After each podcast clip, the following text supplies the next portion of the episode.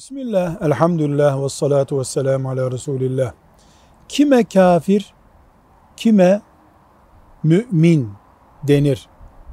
Sorusunun cevabında kuralımız şudur. Biz kalpleri okuyamayız.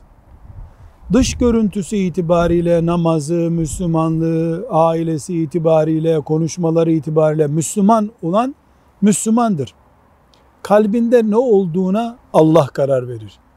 Dış görüntüsü itibariyle de kafir olan, Hristiyan olan, Yahudi olan neyse dinsiz olana da kafirdir deriz. Belki onun içeride Müslümanlığına dair gizlediği sırlar vardır. İnsanların iç dünyaları ile ilgili kararları Allah'a bırakarız. Ne görüyorsak onu uygulanmada kararımız olarak gösteririz. Ve şuna da inanırız ki Allah kime mümin dediyse sonunda o cennete girecek. Kime kafir dediyse de sonunda o cehennemde kalacak.